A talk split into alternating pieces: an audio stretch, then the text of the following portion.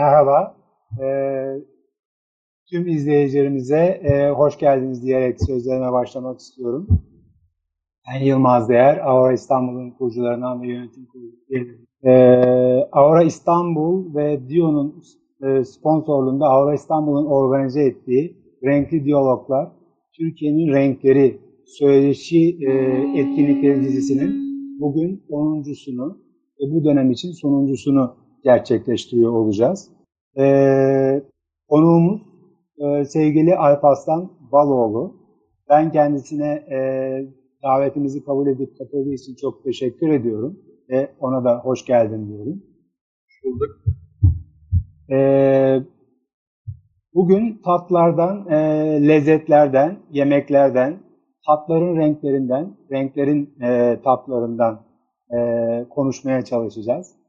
Arada bir yanlış anlaşılmaya e, yol açmasın diye söylemek istiyorum. Ben e, yemek konusunda öyle yetkin birisi değilim. Kendimi öyle görmüyorum. Yemeği içmeyi seviyorum. Ama e, yemek yapmaktan pek anladığımı söyleyemem. E, ama sağ olsun bu konuda şanslıyım eşimlerden dolayı. O hem çok bilgili, çok ilgili ve yetenekli. Ben sadece izlemek ve tatmakla e, yetiniyorum diyeyim. E, Allah Yılmaz sadece tatmak değil, e, yeme içme kültürüyle ilgili de e, oldukça derin sohbetlerimizi hatırlıyorum.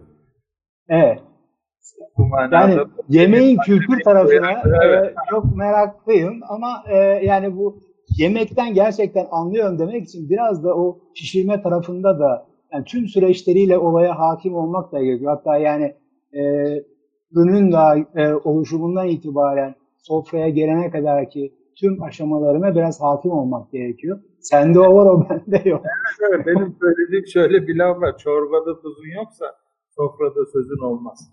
Evet. Dolayısıyla Aynen Şimdi- öyle. Şimdi başlarken e, ben değerli konuklarımızdan, izleyicilerimizden hoşgörülerini rica edeceğim. Ben sana Yılmaz diye hitap edeceğim. Çünkü bizim dostluğumuz, arkadaşlığımız 1970'li yıllardan başladı.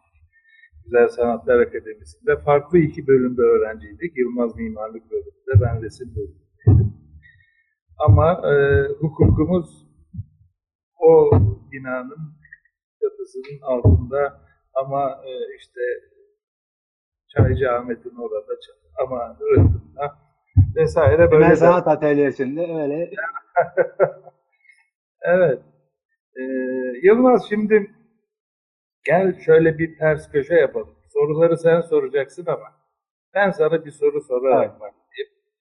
Ee, şimdi bir e, mizah yazarına bir okuyucu der ki ya beni mutlu edecek bir kitap tavsiye eder misin? Verdiği cevap ne olabilir? yemek kitabı olabilir. Bravo Yılmaz. Bu e, şey mizah yazarı der ki önüne çıkan ilk kitapçıya gir, yemek kitaplarının nerede, hangi reyonda olduğunu sor ve karşına çıkan ilk kitabı al. Sen mutlu olacaksın açtığın an itibariyle. Evet, yemek insanın e, hayatının mutlu olmasına vesile olan bir şey ama arkasında çok uzun bir tarih var. Tabii. Yani yemeğin tarihi insanlığın tarihi aslında. Yani insanın avcı toplum, e, toplayıcı toplumdan e, tarım toplumuna geçişi, oradan köylerin, e, kasabaların, kentlerin oluşumu. Yani bugünkü e, dünyanın hepsi beslenmenin peşindeki insanın tarihi aslında. O beslenmeyi nasıl örgütleyecek? E, o e, hepsi insanın kendi tarihinde oluşması aslında bir taraftan ki buna kültür diyebiliriz en geniş anlamda. E, dolayısıyla yemek e, diğer şeylerden farklı olarak insanı yapan, yani insanın yaptığı ama insanı da yapan bir edim. E, yani Evet, insan belki kısa bir tarif yapmak gerekirse yemeğini yapan canlı denilebilir. Hani politika yapan canlı, düşünen canlı falan diye şey yapılır ama yemeğini yapan canlı ve Evet. o şekilde de kendini de inşa etmiş bir tarafta. E, Evet. bu binlerce yıllık evrim sürecinde. Sadece yemeğini yiyen değil, söylediğin gibi yemeğini yapan yani yapmak fiili e, Evet. zaten gastronomiyi ve yeme içme Evet. oluşturan, ona büyük değer katan şey. Yani doğadan bulduğu gibi değil, onu dönüştürerek, e, onun e, kimyasını, fiziğini anlayarak, ona anlamlar yükleyerek vesaire. Yani kültür tarihi böyle bir şey zaten. E, ilk dinlerin oluşumu bile neticede hani e, doğaya işte bereketli, e, bol e, beslenme şeylerinin, ürünlerinin elde edileceği e, bir dünyaya yönelik olarak başlıyor. Bütün o tapınmaların, hepsi tapınakların, hepsinin arkasında sunakların vesaire. Bu bolluk bereket şey çünkü en temel e, insanın gereksinimlerinden biri malum beslenme. Evet, Göbekli Tepe'ye bakarsak Evet. bu e, buğdayın bir tanecik olarak araştırılması, üzerinde yapılan karbon testi ve buğdayın evcilleştirilmesi ve buğdaydan yapılan bir takım e, yemeklerin ya da buğdayın fermentasyonuyla e, elde edilen bir takım e, yiyeceklerin ya da içeceklerin insanı bir araya getirmesi getirmedeki önemi ve e, buğdayın evcilleştirilmesi bununla beraber e, bir takım yenilecek türden hayvanların da evcilleştirilmesi ve tüm bunların bir kutsama mekanı içinde bir araya gelerek o adına ne dersek diyelim ama bir çeşit inanç birliğinin e, alet edevatı olması ya da onu kutlamaya ya da o birlikteliğin sebebi ya da aracısı olmaya nedenli katkısı olduğunu anlıyoruz. Göbekli Tepe bu anlamda da bize bir sürü ipucu veriyor. Çok doğru. Evet. Ki aslında bunu kendi günlük yaşamımızda da e, görebiliyoruz. Yani yemek gibi insanları toplayan ortak eylem e, çok az. Yani eski antik çağlardan beri değil mi? Simpozyumlar, insanlar bir araya geliyorlar, yeniliyor, içiliyor, müzik dinleniliyor, şiirler okunuyor, e, tartışılıyor. Yani hem entelektüel bir faaliyet hem de insanları e, bir araya getiren çok e, bağlayıcı, birleştirici bir ortam e, sunuluyor. Yani bir sofrada yani bizim geleneğimizde aynı e, işleve sahip. Yani insanlar hala da hani aynı masa etrafında toplanıp yani Göbektepe'de nasıl e, bir ortak eylem, bir ortak kültürün e, ifadesi ise e, sofrada da aynı gelenek sürüyor. Yani değişmeyen yüzyıllar içinde aşağı yukarı her toplumda da benzer şekilde farklı ritüellerle de olsa devam eden bir gelenek, sofra geleneği. Birleştiren bir gelenek aslında. Tabii.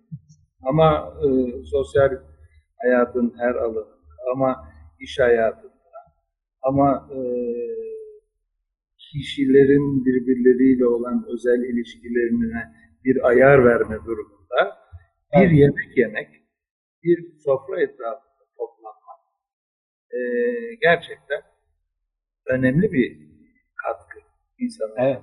İşte o sofraların e, düzenlenmesi ve o sofraların kurallarının konulması, o sofraların üzerindeki yemeklerin pişirme tekniklerinin gelişmesi, e, o sofradaki gıda maddelerinin e, üretimiyle ilgili bilginin paylaşılarak çoğalması ve e, bir sürü şey bize artık gastronomi diye farklı bir disiplinden, farklı bir alandan bahsediyor olmamızı sağlıyor. Tabii. Çok Yani- doğru. Yıllar önce, de ki 20 yıl önce e, Türkiye'de gastronomi eğitimi veren okulların sayısının bugün olduğu kadar çok olacağını tahmin edemezdik. Mümkün değil. Sen de hatırlarsın akademide e, 1970'lerin sonları, 78 ya da 79 olmalı. 77. E, 2000 yılına doğru e, sanatlar e, sempozyum yapılmıştı. Bülent Hoca orada hani 20. e, 21. yüzyılda e, gastronominin bir sanat e, e- edimi, etkinliği olarak akademik bir değer kazanacağını, bir sanat mertebesine yükseleceğini anlatan içerikte bir konuşma yapmıştı. Sen e, hatırlıyorsun herhalde. Çok iyi hatırlıyorum çünkü o sempozyumda biz de yurt dışından gelen e, misafirlerimize e, teşrifatçılık yapıyorduk. İşte onları uçaktan alıp otele yerleştiriyorduk, şudur budur ama e, şeyde de e, konuşmalar başladığında da mutlaka ilgiyle izliyorduk. Hiç unutmuyorum. E, rahmetli e, Bülent Hoca şunları söyledi. Bundan çok değil 30 yıl önce biz yedinci sanat olarak sinemadan konuşacağımızı pek tahmin etmezdik. Ben bugün için şunu söylüyorum ki 2000 yılına doğru 8. bir sanat olarak hat sanatlarından bahsedeceğiz. Bu sözleri kulağımda bugünkü kadar net. Ve e, onun bu uzgörüsünün bugün gerçek olduğunu görmek Bülent Hoca'nın hakikaten yerini benim kafamda daha farklı bir yere oturtuyor. Söylediği gibi e, bu gastronomi ve gastronomiyle ilintili pek çok disiplinin bu derece önem taşıyan bir hale gelmesi, e, derneklerin kurulması ve e, sosyal medyada en çok ilgi duyulan alanın gastronomi dünyası olması tesadüf değil. Yaşanan sürecin e, bugünkü getirimi olarak değerlendirilmeli diye düşünüyorum. Çok doğru. Biz de e, belki sen de hatırlıyorsun e, Avra İstanbul olarak bu pandemi günlerinde herkes açık bir e, yarışma düzenlemiştik. Yenilebilir tasarımlar diye. E, çok büyük ilgi gördü. Çok e, katılım oldu. Çok güzel, güzel bir jüri süreci yaşadık. Tatmasak da yemeklerin hazırlanış sürecinde ve onların o süreçlerinin e, görsel olarak ve sonuçta nihai ürününde e, yine görsel olarak sunumundan ibaret bir e, şey yapılabildi ancak malum bir araya gelinemedi. Yani tatmadan ama tadın nasıl oluşabildiğini bilen e, jüri üyeleri sayesinde çok ince elipsik dokunarak yapılan bir e, süreç sonucunda birinciler, ikinciler e, çok zorlukla seçildi hem de böyle ama çok keyifli bir yarışma oldu. Çok etkili bir yarışma. Hem keyifli hem de çok değerli bir yarışmaydı. Çünkü tasarımın sanatın her, e, hayatın her alanında olduğuna işaret eden bir etkinlik. Yani insanın özelliği herhalde yaptığı her işin e, bir sanat potansiyeli taşıyabilmesinin farkında olması ve bunu e, hayata geçirebilmesi. Bu, Zaten e, anlattığım kelimelerden bir tanesi de o, farkındalık. Evet, evet. Çok önemli. Ben şimdi Alparslan seni hani tek kelimeyle e, bana e, açıkla e, deseler derim ki Alparslan meraklı bir insan. Yani bu merak kelimesi bence çok önemli. Çünkü bizim dilimize 19. yüzyılın sonunda bugünkü anlamıyla girmiş bir kelime. Yani Türkler aslında merak etmeyen bir toplum. Ee, ihtiyaç olsa daha önce böyle bir kelime kullanılırdı herhalde.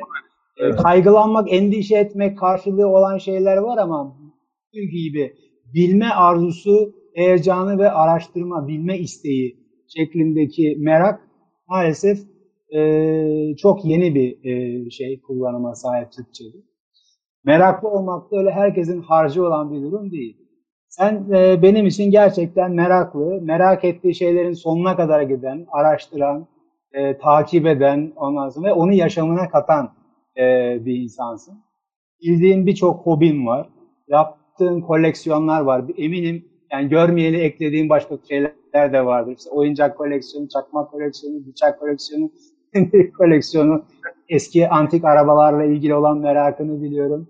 Ee, yani e, müthiş bir şey aslında bakarsan. Yani her müthiş bir farkındalık gerektiriyor bir kere. Ee, çok e, değil mi öyle şey. Biraz bunlardan evet. bahseder misin?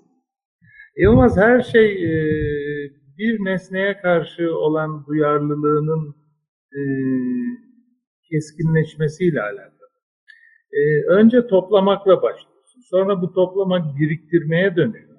Sonra biriktirdiğin zaman bir de bakıyorsun ki birbirine benzer nesnelerden elinde bir sürü olmuş.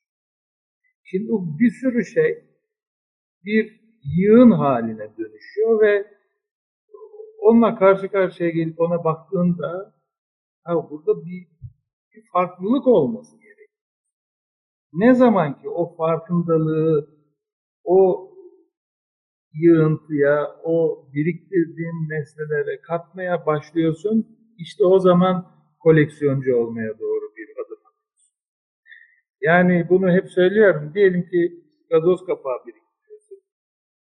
Bir süre sonra elinde envai çeşit renkte yüzlerce belki de binlerce gazoz kapağı oluyor.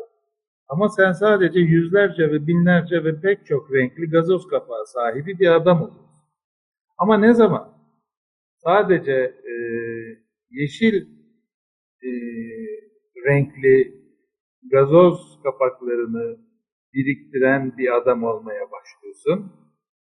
O zaman o farkındalıkla oluşturduğun o yeşil renkli gazoz kapaklarının üretildiği şehirlerle ilgili sorular sormaya başlıyorsun. Hangi dönem, hangi tarih o yeşil e, başladığı o gazoz fabrikasının tarihinde diye sormaya başlıyorsun vesaire vesaire. Bir de bakıyorsun ki sen artık biriktiren bir adam olmaktan çıkmış e, yeşil gazoz kapakları konusunda ihtisas sahibi bir koleksiyoncu olmuş. Koleksiyonculuğun macerası böyle. Benim e, biraz önce söylediğim e, bağlamda ufak biriktirdiklerim var. Daha fazla büyütemiyorum. E, hem maddi anlamda hem de karşıma çıkma ihtimallerinin giderek azalması anlamında artık kapattığım ve toplamadığım, biriktirmediğim, koleksiyona dönüşmemiş nesnelerim var. Ama koleksiyona dönüş, dönüşmüş birkaç e, ismini koyabileceğimiz nesneler topluluğu var. Bunlardan bir tanesi teneke oyuncaklar. Teneke oyuncaklar dememin özel bir sebebi var. Çünkü oyuncakların tahta olanı, toprak olanı, plastik olanı vesaire böyle gidiyor. Benim ise e, ilgi alanımı oluşturan oyuncaklar sadece teneke oyuncaklar. Önce üzeri baskılı olmayan oyuncaklarla başladım fakat biliyorsun ben bir taraftan da hayatımı matbaacılık yaparak kazanıyorum. Dolayısıyla da baskılı işler benim ilgi alanıma giriyor. Giderek teneke üzerine e, baskı yapılma süreciyle beraber üretilen, üzeri baskılı e, teneke oyuncaklar ilgimi çekmeye başladı. Ve belki de ben ondan sonra bir teneke oyuncak koleksiyoncusu oldum. Tabii ki bu teknolojiyle beraber e, gelişen bir süreç. Şu anda 400 küsür parça bir oyuncağım var.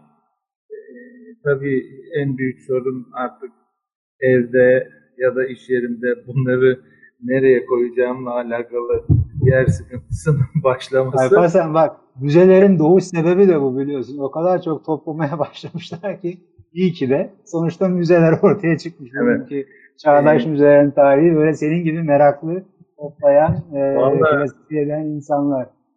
Benim çok değer verdiğim sevgili ağabeyim Yalvaç Ural'ın da böyle bir koleksiyonu var. O bu işi kolayladı. Koç Müzesi'ne bağışladı ve orada büyük bir kısım evet. E, Yalvaç Ural oyuncak koleksiyonu olarak sergileniyor.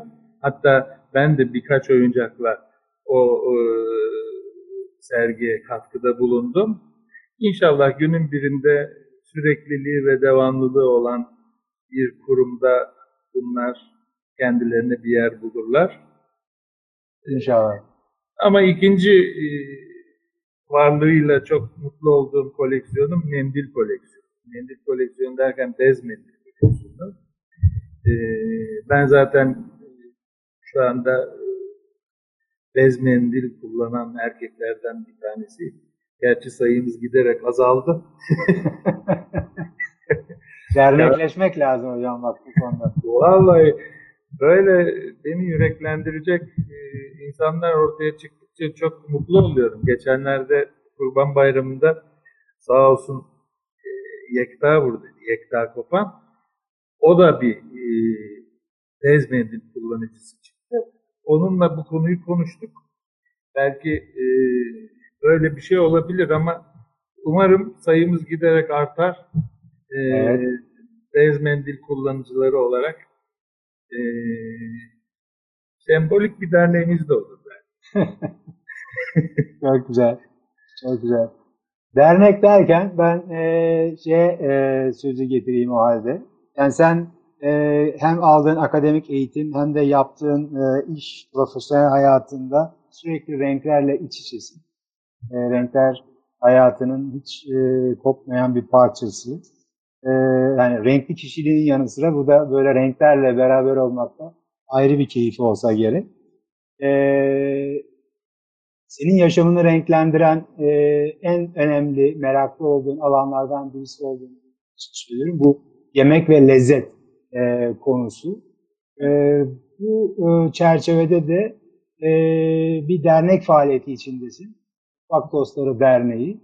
E, Mutfak Dostları Derneği de Türkiye'nin en eski, e, en köklü sivil toplum örgütlerinden e, olarak kabul edilebilir. Çok uzun zamandan beri faaliyet gösteriyor. Biraz Mutfak Dostları Derneği'nden e, ve yaptıklarından, vizyonundan bize bahsedersen çok yararlı olur. Evet. Yılmaz söylediğin gibi Mutfak Dostları Derneği e, kendi alanında e, ki en eski sivil toplum kuruluşlarından bir tanesi. E, belki de bunun yanında en saygın kuruluşlardan bir tanesi. Kuruluş tarihi 1991 Evet. ve e, ilk kurucuları Ergün Köknar, Tuğrul Şalkay, Hasan Özen gibi daha e, Ahmet Öz gibi isimler e, burada bizi izleyen e, arkadaşların yakından tanıyacak olduğu bir isimden bahsetmek istiyorum. Mutfak Dostları Derneği'nin logosunun tasarımı kime ait? Bülent Erkmen. Bülent Erkmen değil mi? Evet. Evet, Bülent Erkmen'in yaptığı bir logodur bizim derneğimizin logosu. Ve e, Bülent Erkmen Mutfak Dostları Derneği'nin ilk onur üyesidir. E, Logodan dolayı değil mi? Evet. Evet, bu logodan dolayı. E, bir de benim Mutfak Dostları Derneği'nin başkanının bugün bir kadın olması beni ayrıca mutlu eden. Çünkü Türkiye'de başkanı kadın olan dernek sayısı az. Ee, bizim başkanımız Sayın Zeynep Bakınç ee, üç dönemdir hatta dört dönemdir bu e, başkanlığı sürdürüyor hem de başarıyla sürdürüyor. Şimdi Mutfak Dostları Derneği e, neler yapar diye e, sordun. Mutfak Dostları Derneği e, öncelikle Türkiye'deki yemek kültürüyle ilgili sorular sorar ve sorduğu soruların e, cevabıyla ilgili çalışmalar yapar. Bizim seminerlerimiz halka açıktır ve e, bu seminerlere katılım sadece duyurulara e, icabet eden herkes için geçerlidir. Biz yeme içme kültürümüzün e, yapı taşlarıyla ilgili seminerler dizisi düzenliyoruz. Örneğin ekmek, örneğin çay, örneğin zeytin, peynir çeşitlerimiz, e, bakliyatlar ve en son seminerimiz lokum ve bir sonraki seminerimiz eğer pandemi olmasaydı simit üzerineydi. Ama maalesef bu pandemiden dolayı o seminerimizi ertelemek zorunda kaldık. Sevmeyen yoktur yani mi? Evet, Önemli bir şey. Evet. Ee, tabii yurt dışındaki bir takım kurumlarla da işbirliği yapıyor Patrosları Derneği. Bir takım projelerde ortaklıkları var. Ee, bu birlikte paylaşımcı ya da paydaş olduğu çalışmalardan en önemlisi Esedra projesidir. Ee, bu Esedra projesinde Slow Food Derneği ile birlikte çalıştı ve bu Evet. çalışma bizde e, Slow Food'da e, Nuh'un Ambarı e, The Taste of Art e, ama bizde Anadolu Lezzet Envanteri olarak Mutfak Dostları Derneği'nin bu Esedra projesinde e, Slow Food ile birlikte yürüttüğü bu projede Anadolu Lezzet Envanteri olarak e, bir çalışma yaptık ve bu çalışmada e, Slow Food ile birlikte Türkiye'de sadece e, bizde olan hem çeşitli küçük üreticilerin ürettiği ürünleri hem bazı hayvan çeşitlerini ve bir takım sebze ve meyveleri e, envanter altına aldık, kayıt altına aldık. Bunların bir kısmı uluslararası ölçüde tescillendi. Bir kısmı Türkiye'de coğrafi işaretli işaret olarak tescillendi. E, ve şöyle de bir kitapla beraber bu çalışmalar e, izleyicilerin ya da meraklıların ilgisine sunuldu. Bunun dışında e, Mutfak Dostları Derneği e, kendi faaliyet alanlarında yeni bir e, hat açtı. Bu da e, Altın Kaşık Gastronomi Ödülleri yarışmasıydı. Biz e, derneğimizin tarafsız, e, nötr duruşuyla yapacak olduğu bir seçimin astronomi dünyasında önemli bir değer olacağını düşünerek bu işe başladık. Ve 10 dalda e, ödüller verdik Mutfak Dostları Derneği böyle bir çalışmanın içinde. Şu anda 15 kişilik bir yönetim kurulumuz var. Ee, her biri çeşitli faaliyet alanlarında kendilerini tanıtlamış isimler ve inanıyorum ki Mutfak Dostları Derneği faaliyetlerini çok daha uzun yıllar devam ettirecek ve ülkenin gastronomi tarihine ve gastronomi hayatına önemli katkılarda bulunacak. Ee, Mutfak Dostları Derneği'ni konuşurken arada bir de Slow Food'dan Ben onu soracaktım. Yani slow food gerçekten çok önemli bir konsept. Ee, hem bu e, yani pandemi sonrası e, dünyanın e, tarımsal üretim ve besin kaynaklarının üretimi ve tüketimi konusunda e, yeniden nasıl örgütleneceğine ilişkin ipucu da taşıyor içerisinde bence. Yani e, besin kaynaklarının e, oluşturulması, insanların bu süreçlerde nasıl yer alabileceği, e, yani e, bir strateji gerektiren bir durumla karşı karşıyayız. Artık ne bilmem dünyanın bir ucunda üretilen bir şeyin öteki tarafa nakledilmesi sonucu oluşan böyle uzmanlaşmış alanlar arasındaki e, besin transferiyle e, insanların yiyecek içecek ihtiyaçlarını karşıladıkları dönemlerin e, geride kalacağını umuyorum. E, daha yerel e, ve aynı zamanda yani üretim çerçevesinde sosyalleşmeye de imkan verecek. Üretimi bir sosyalleşme aracı olarak da kullanabilecek, e, komüniteler oluşturabilecek etkinlik olarak Slow Food'u çok önemsiyorum ben. Evet. Onda yaptığınız çalışmaları biliyorum. Biraz bahsedersen çok yararlı olur. Evet, e, kolay değil. Bugün e, dünya çapında e, 1 milyon kişi tarafından desteklenen ve e, 1500 adet community'si, 500 adet grubu faaliyet halinde olan e, topluluğu olan ve daha sonra da bu 1500 e, community ya da topluluğun e, daha bölgesel bir alanda konvium, konvivyumlara dönüştüğü bir başka örgütlenme, uluslararası örgütlenme yok. E, slow food aslında bizim bizim yaşımızdaki insanların çok da yabancısı olmadığı e, bu Holy Trinity dediğimiz hani kutsal üçleme dediğimiz bir e, şey var ya burada bunu bu benzetmeyle söylemek istiyorum. Slow Food'un e, kutsal üçlemesi iyi, temiz ve adil gıda.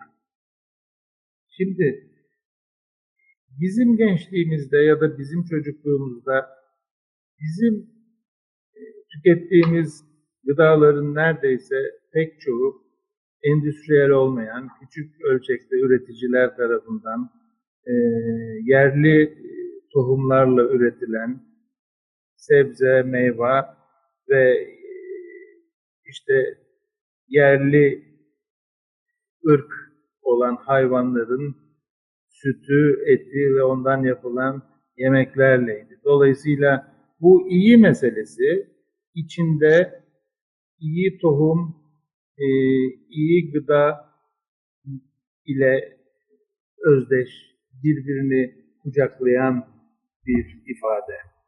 E, temiz derken akla hijyenik anlamda e, temizlik gelmesin. Slow food'da temizlikten bahsederken biz üretim yaparken çevreyi kirletmemekten bahsediyoruz. Dolayısıyla temiz çevre ve temiz üretim alanlarının, temiz topraklarının önemi slow food için önemli bir konu.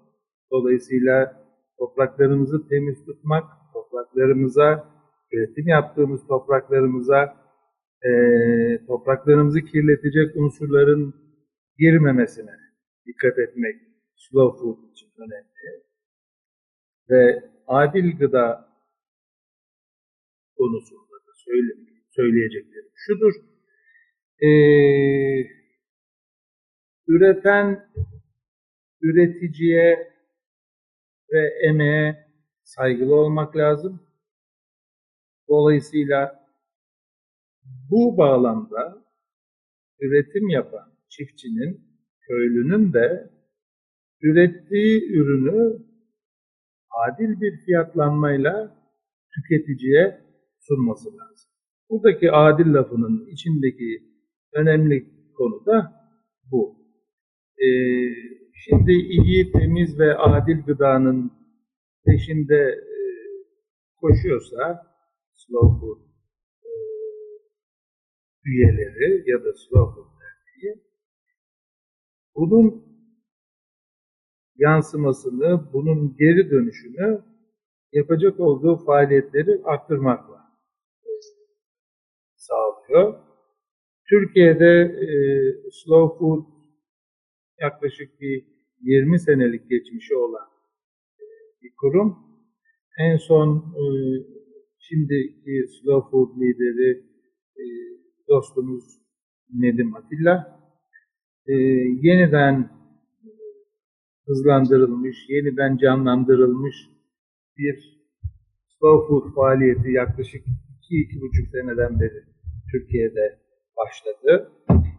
E, fakat maalesef bütün dünyanın ortaklaşa yaşadığı bu salgın, bu pandemi, e, bu ateşi biraz düşürse de e, dijital ortamda devam ediyor.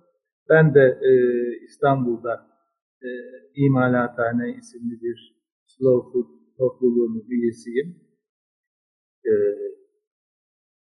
biz eğer biraz kendimizden bahsedecek olursak biz e, Slow Food imalathanenin bulunduğu bölge etrafındaki okullardan başladık. Yani küçük beyinlerin dünyayı algılarken onların kafasında oluşturacak olduğumuz e, değerlerin ne kadar onların önündeki hayata ışık tutacağı konusunda e, faydalı olacağını düşünerek okullarla birlikte çalışmalar yapmaya başladık.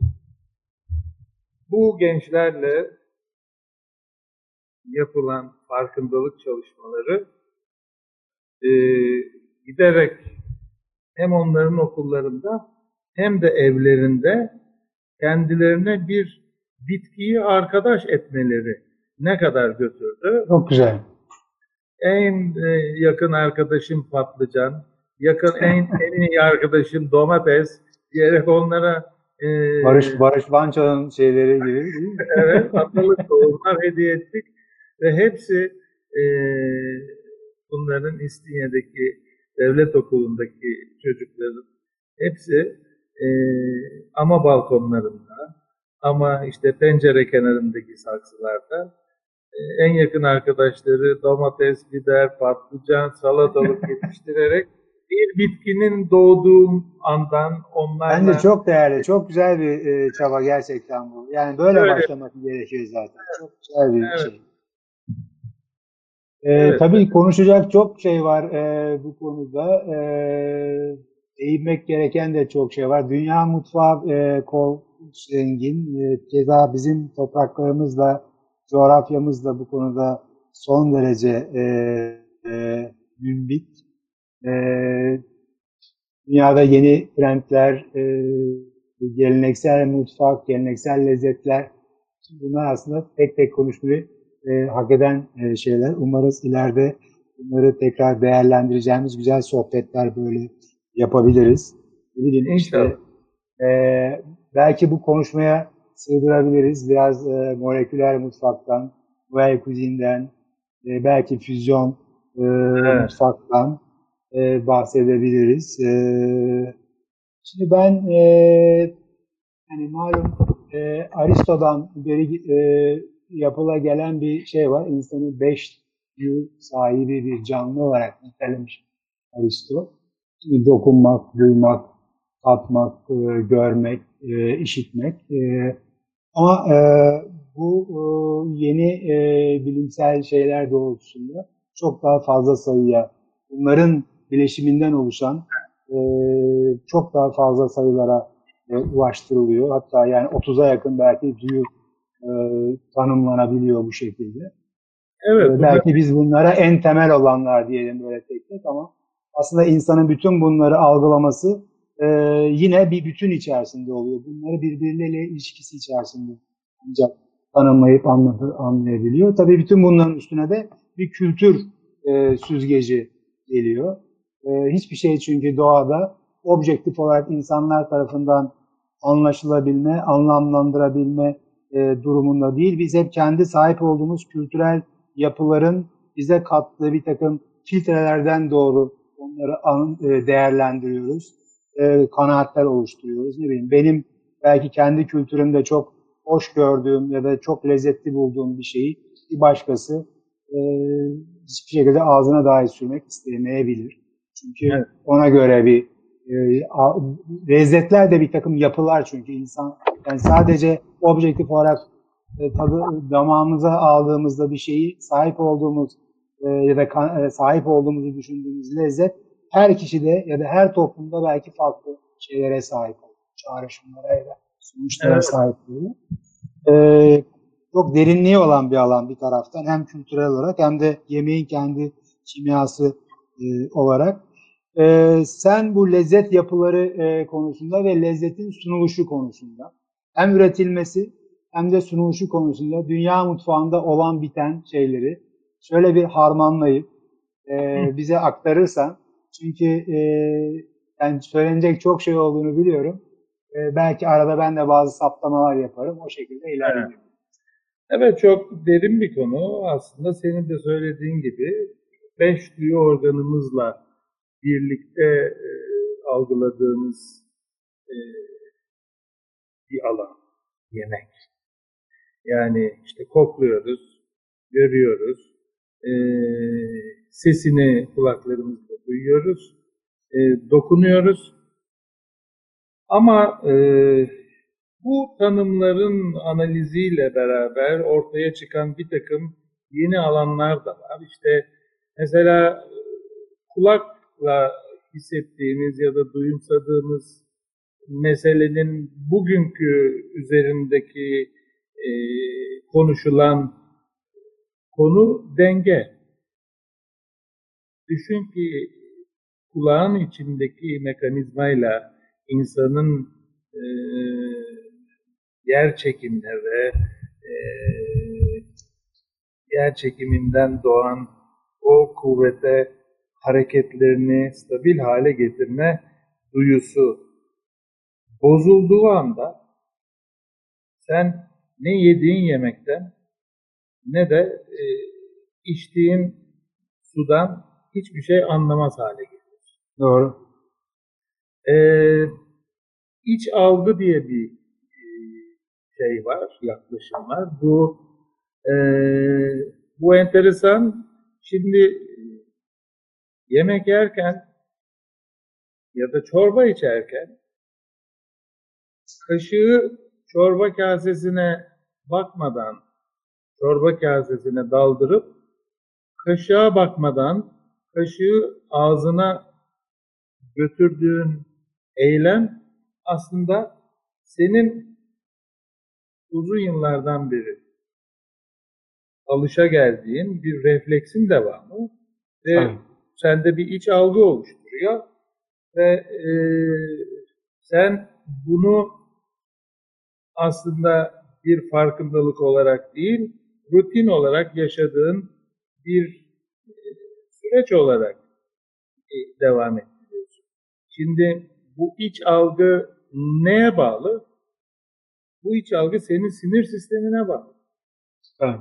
Sinir sistemindeki bozukluklar bütün bu dengeyi e, bozabiliyor. Düşün evet. ki çorba kaşığını ağzına değil de kulağına doğru götürmeye başladı. Evet. Burada tabii lezzet ve lezzet algısıyla ilgili e, hesaplaşma farklı bir yere doğru gidiyor. E, ısı algısı denen bir şey var. Varsay ki Kuzey Kutbu'ndasın, soğuğu hissetmemek için lahana gibi 8 kat, 9 kat elbise giydin ama hala soğuğu hissediyorsun. Ee, bu da şey zamanı algılamakla beraber psikolojik bir e, duygu. Tüm bunların hepsi yemek yemek ile ilgili oldukça derin soru işaretlerinin bir araya getirilmesini ve bu bir araya gelen bir sürü konunun aslında tartışılmasını da açan yeni bir yaklaşım. Şimdi biz buraya girersek bu işin sonunu getiremeyiz. Doğru. Ama madem ki e, bizim temamız hayatın renkleri, istersen bize yemek yemeyi zevkli ve keyifli hale getiren bir şeylerden bahsedelim. Tamam. Ee, görmekle alakalı konuşacak olursak, eğer ki insanların e, görme yeteneği e, şöyle olsaydı. Burada bir fotoğraf göstermeyi arzu ederim ben. E, evet. Eğer biz dünyayı siyah beyaz algılamış olsaydık mı dünya daha renkli, çeşitli olurdu ya da dünyayı şöyle algılasam. Evet. Şöyle mi algılasam?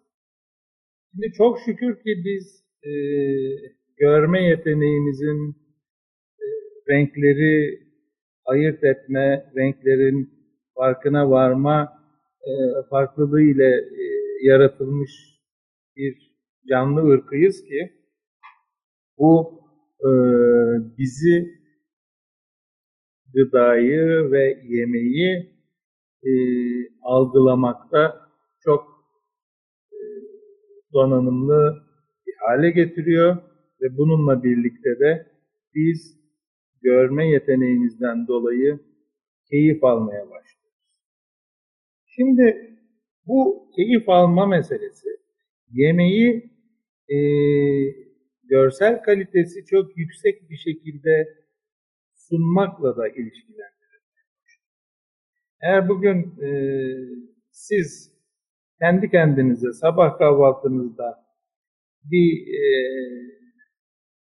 melemen yapsanız, yaptığınız melemenin içindeki domatesin, biberin birbirleriyle orantılı olarak kullanılması, yumurtanın sarısı ve belki de beyazı bunların bir denge içinde olması ve bunun size keyif veren bir görüntü sunması o melemenin lezzetini belki de ikiye katlayacak.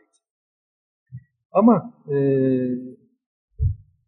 bu lezzet e, meselesi gerçekten yapanın maharetiyle ilintili bir şey. Ama bu lezzeti size sunarken o kişinin e, becerileri, o kişinin artizanal duygularının, artizanal becerilerinin gelişimi işi biraz daha farklı hale getiriyor. E, bu son zamanlarda artık herkesin bildiği fine dining denilen e, standardı daha yükseltilmiş yemek yeme alışkanlığımızın e, kahramanları, genç kahramanları ülkemizde de çok şükürler olsun bize müthiş tabaklar sunuyorlar. Bunların aralarında e, bir takım şeyi kendilerine dert etmiş olanları var. Mesela Ege mutfağını kendisine dert etmiş.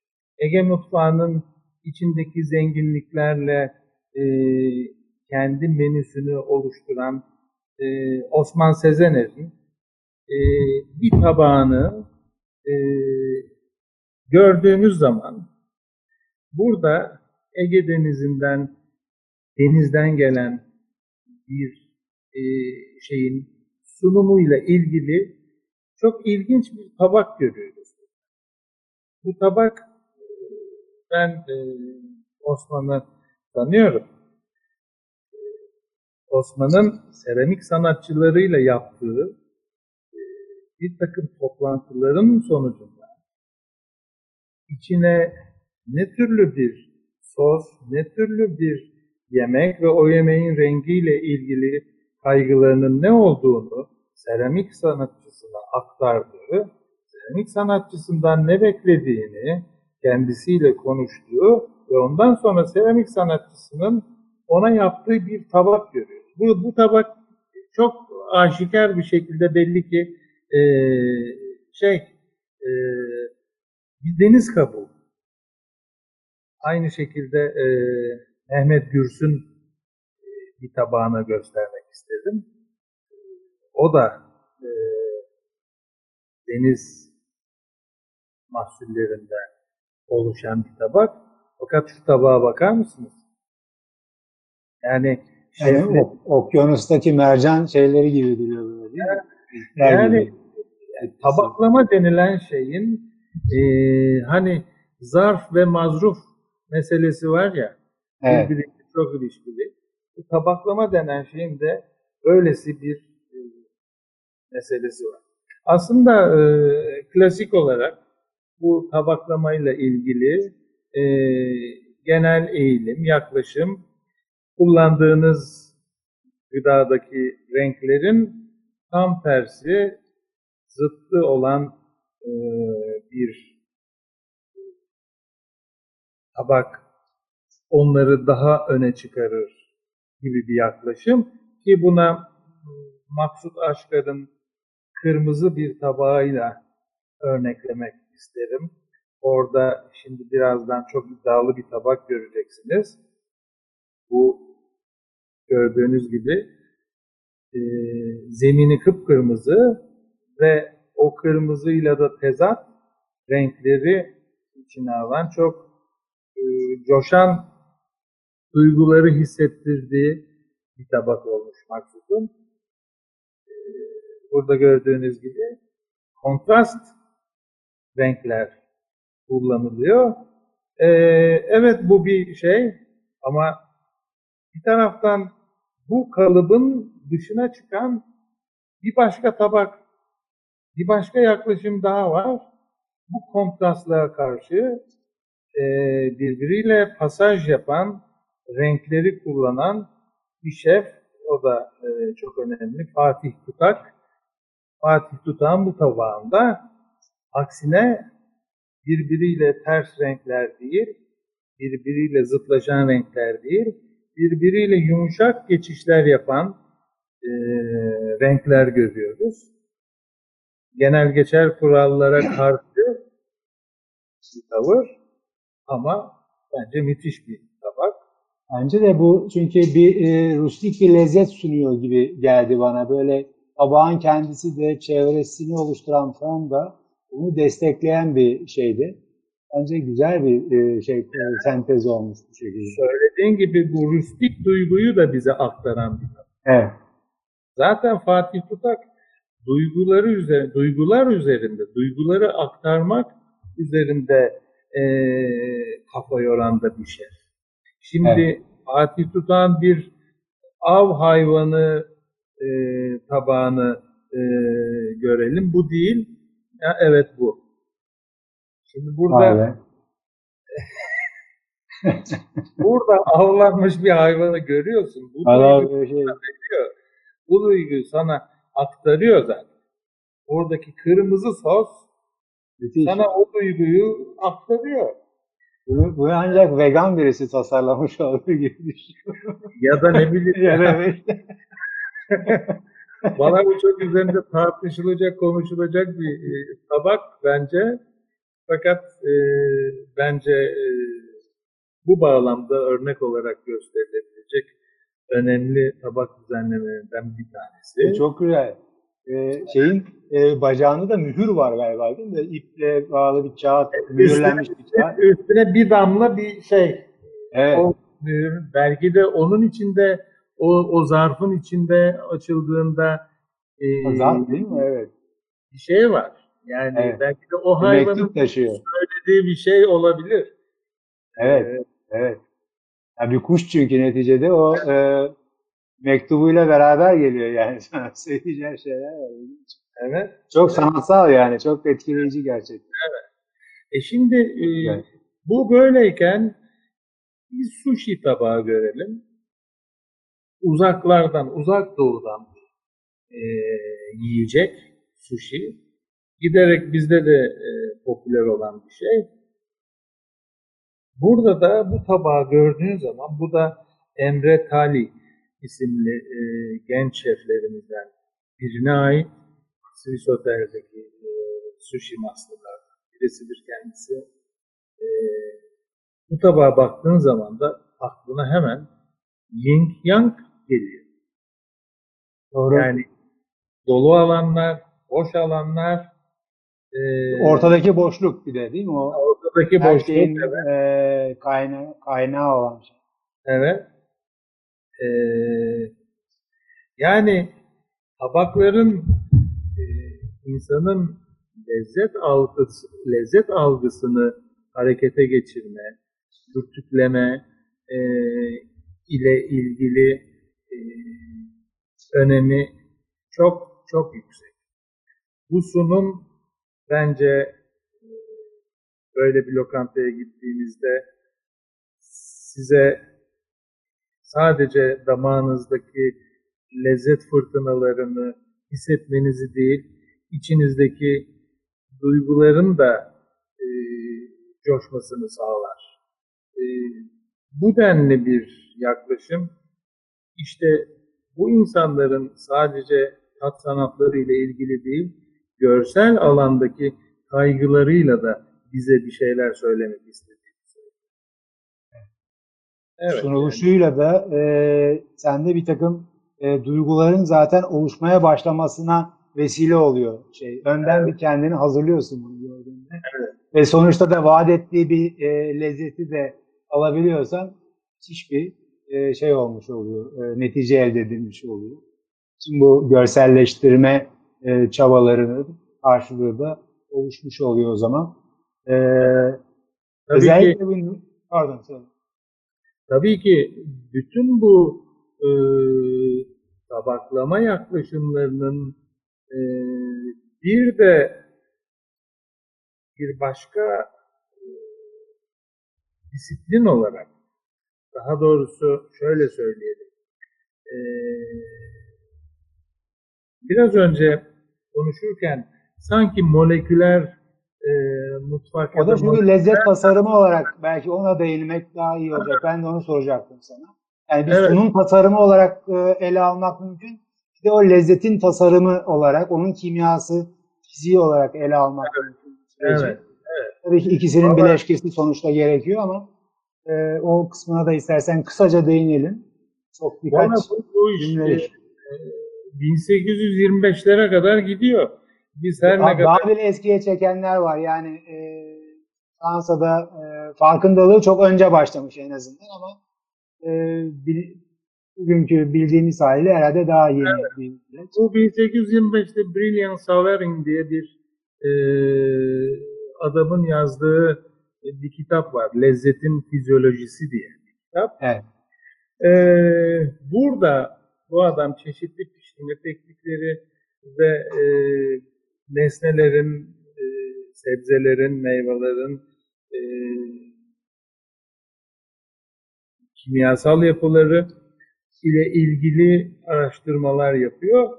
Ee, ve bu bir süre tarihin kucağında uykuya e, dalmış giderken 1988'de Nicolas Curti diye bir adam ve e, Herbert Tis isimli bir başka e, yol arkadaşı. Fiziko kimya galiba şey. Evet, bunlar e, şeyi e, moleküler mutfağı tetikleyen bir takım araştırmalar yapmaya başlıyorlar ve böyle başlıyor. Yani tabii bu mutfağın uluslararası e, çapta e, ismi popüler olan, duyulan e, işte iki kardeş Ferran Adria ve Albert Adria var. E, tabii Fransa'da çok önemli bir şef e, Michel Gras var. Michel Gras önemli bir adam. E, işte şey e, Duck diye bir lokanta var. Profesör Blumenthal diye bir adam var. Evet. O da müthiş işler yapıyor. Ben bunları biraz simyacılara benzetiyorum. Öyle lezzet lezzet üreticileri değil mi? Öyle arayıp arayıp Yani bu adamlar şimdi hani simyacılar kömür tozundan altın yapmak niyetiyle bir sürü işler yapıyorlar ya. Bunların bir kısmı tesadüfi sonuçlar da doğurmakla beraber pek çoğu kimyanın da gelişimine katkıda bulunan çabalar. Evet. 16. yüzyıl, 15. yüzyıl simyagerleri. Bu e, moleküler e, mutfak ya da moleküler gastronomi konusunda kafa patlatanların da buna benzer işleri oluyor.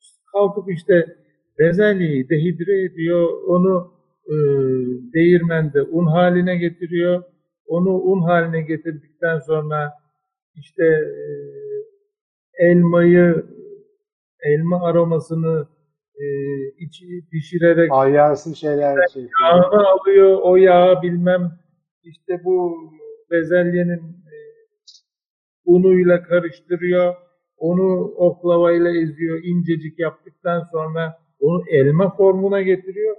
Senin önüne bir elma geliyor ve sen o elmayı e, çatalınla ya da kaşığınla kırarak böyle zar gibi bir parça halinde ağzına atıyorsun.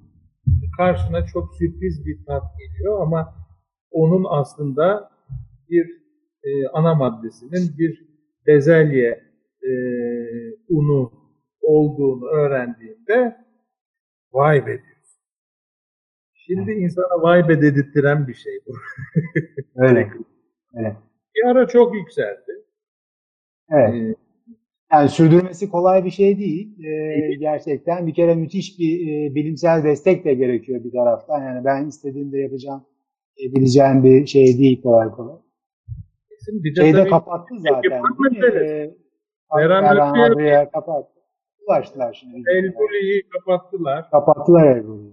E, Şimdi e, moleküler mutfak için toptan malzeme üreten bir iş yapıyor bildiğim kadarıyla. E, O bir dönem oldukça yükseldi. E, Fakat daha Dünyanın en etkili 100 isminden biri seçildi yani Time tarafından falan bildiğim kadarıyla. Evet. Yani çok e, popüler bir insan oldu. Yani bu, bu, bu iki kardeş öyle ama e, şey de Fransa'daki Brass da o da müthiş bir adam. O da Evet. müthiş bir adam. Tabii bunların arasında en e, sürprizli olanı da e, Petrak'ın e, şey, Aston Blumenthal. O adam da müthiş Evet, evet. yaratıcı bir adam. Evet. E, hani konunun buralara e, akacağını bilseydim onların tabaklarından da e, örnekler bulmaya çalışırdım. Pek de keyifli olurdu ama doğru Ee, söylüyorsun. çok hızlı akıyor. Valla zaman çok hızlı akıyor. Aslında normal süreyi biz e, tamamladık gibi ama konuşacak da birçok konu var. E, yani her birisi de gerçekten dipsiz kuyu gibi birçok e, keyifli şey var değinmek gereken. Evet. E, onları belki bir başka e, sohbet şeyine e, bırakalım dilersen. Olur olur. E, merak eden arkadaşlar muhakkak olacaktır. Onlar tabii tür e, bilgilere değişik kaynaklardan belki e, ulaşabilirler ama her şeyden önce yemek e, hem konuşması e, hem yapması e, yemesi kadar zevkli bir e, şey. Yani yemek üzerine konuşmanın kendisi de keyif veriyor değil mi? O senin e, Evet. doktorun söylediği gibi hani bir kitap al oku kendini mutlu hissedersin. Yemek Evet. üzerine konuşmak bile insanı mutlu yapıyor gerçekten. İnsan çünkü lezzetleri unutmuyor. Yani konuştukça bir takım lezzetler senin kafanda tekrar geri çağrılıyor böyle. Yani en önemli hafızalarımızdan iki tanesi birisi tat, birisi de koku e, şeyi. Kesinlikle. Ki ikisi de birbirini destekleyen şeyler bunların yani Değil, birlikte Bu e, iki şey yapan. hafıza çok önemli hayatımızda. Onun İnsan için düşüncesini değiştirebiliyor, e, dinini değiştirebiliyor. Beğendiği lezzetlerden kolay kolay vazgeçmiyor. Yani Evet. politik görüşleri değişiyor belki ama o beğendiği temel lezzetler neyse onlar daha kalıcı oluyor. Çok daha dirençli oluyor. Böyle bir özelliği var. öyle işte Kesinlikle moleküler mutfak e, örnekleri yediğin bir lokantadan çıktıktan sonra ya şu köşedeki sucuk ekmekçiden de hatırla Doyalım öyle gidelim. Ama diğerinden merak ediyorsun yani böyle bir şey nasıl olabilir acaba diye. Valla lezzetlerin, e, tatların da e, renkleri olduğunu e, belki düşünmek mümkün. Hani nasıl Kandinsky e, renklere notalar e, düşünmüş, e, notalara renkler böyle karşılıklı etkileşim içerisinde olabildiğini bu alanların. E, böyle bir şeyi sana son bir soru olarak sorsam, mesela bir rengin sana çağrıştırdığı bir lezzet var mı? Yani herhangi bir alan, baharat olabilir ya da yemek olabilir lezzet üzerinden bir renk çağrışımı var mı? Ya da böyle şeyler söylemek mümkün mü? Valla bir lezzet üzerinden bir renk mi, bir renk üzerinden bir lezzet mi diye soracağım. İkisi de olabilir. Öyle. İkisi de olabilir. Valla beni e, en çok etkileyen e, ya da ilk aklıma gelen şey e, yeşil. Yeşil bana hep ferah, fresh bir tat e, hatırlatıyor. O da naneden ötürü. E, nanenin tazeykenki yeşili ve nanenin kuruykenki e, yeşili bana hep nedense e, taze bir tat, serinletici, rahatlatıcı bir e, aromayı anıştırıyor. E, kırmızı da çok meraklısı olduğum e, acıyı, e, acı tatları bana anıştırıyor. E, bilmem soruna Evet, bu bir cevap çok e, oldu? Oldu tabii ki. Yani çünkü subjektif bir şey. Ben öyle merakımdan sordum hani ne olabilir diye. Mesela ben bilmezdim. 7 sayısı e, sarıyla genellikle in- insanların kafasında canlanıyormuş böyle. Yani bir takım böyle şeyler var. E, Evet. belki o sinestezi alanına giriyor. Bir şeyi bir şeyle Evet. beraber örtüştürüyorsun kafanda. O, o sinestezi Alparslan çok teşekkürler e, bu güzel sohbet için. E, Ben teşekkür sağlık. ederim. E, Konuklarımız arasında bir soru sormak isteyen Soru var. olma, olan varsa onu yazarlarsa biz de e, kısa da olsa e, cevaplamaya gayret edelim. Bakıyorum ben. E, bir e, soru göremedim. E, bir soru var. Mümkünse gastronomi, gastronomi ve müzik ilişkisi üzerine bir sohbet isteği var. İnşallah bunu bundan sonraki e, bir başka e, etkinlikte e, gerçekten ele alırız. E, Bu bu alan umarız- çok yakın olduğu bir alan değil müzik. Ee, Evet. Ama konuyla ilgili bazı arkadaşlar biliyorum. Ee, İnşallah önümüzdeki süreçte böyle bir şey söz konusu olursa inşallah. da cevap olur. O, Ben e, sana e, tüm izleyicilerimize e, teşekkür ediyorum. Herkese renkli, bol renkli, çok renkli, e, e, lezzetli bir e, yaşam dile- dileklerimizle sonlandırmak istiyorum. E, bu etkinliğin düzenlenmesindeki e, desteklerinden dolayı da DİO'ya ayrıca çok teşekkür ediyorum Avrupa İstanbul olarak. E, Yani Dio'ya ben de şöyle bir teşekkür etmek isterim. Ee, Dio e, iç ve dış mekanları e, sadece iç ve dış mekanları renklendiren, uzun yıllardan beri renklendiren bir kurum olmanın ötesinde söylediğim gibi e, ben hayatımı matbaacılık yaparak kazanıyorum. E, Dio e, Türkiye'nin en eski matbaa mürekkebi üreticilerinden Doğru. de bir tanesi. Bir taraftan hayatımızın eee, taşıyıcı yüzey olarak kağıdın var olduğu dönemlerdeki iletişimi de renklendiren, eee, renklenmesine vesile olan bir ürünü üreten bir kurum olarak Dio'ya teşekkür etmek isterim. Eee, hala devam ediyor bu eee, üretimleri. Yolları uzun olsun. İnşallah. Çok güzel oldu. Evet, ben de e, teşekkür ederim Yılmaz. Keyifli bir sohbetti. sağ ol e, Alparslan. İnşallah devamını getiririz e, bu sohbetlerin. E, bu vesileyle e, sanal ortamda da görüşmek kısmeti oldu böyle tekrar. Ben Evet. ona da çok sevindim. E, tüm izleyicilerimize teşekkür ediyoruz. E, sağ olun, var olun. teşekkür.